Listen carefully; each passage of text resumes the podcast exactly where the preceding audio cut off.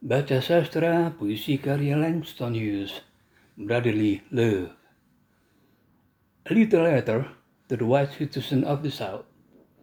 In line of what my folks say in Montgomery, in line of what they are teaching about love, when I reach out my hand, will you take it or cut it off and leave a knife above?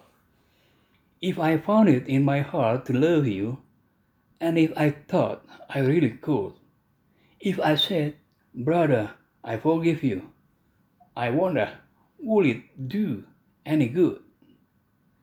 So long, so long a time you've been calling me all kind of names, pushing me down. I've been swimming with my head deep underwater, and you wish I would stay under until I drown. But I didn't. I'm still swimming. Now you're mad because I won't ride in the back end of your bus.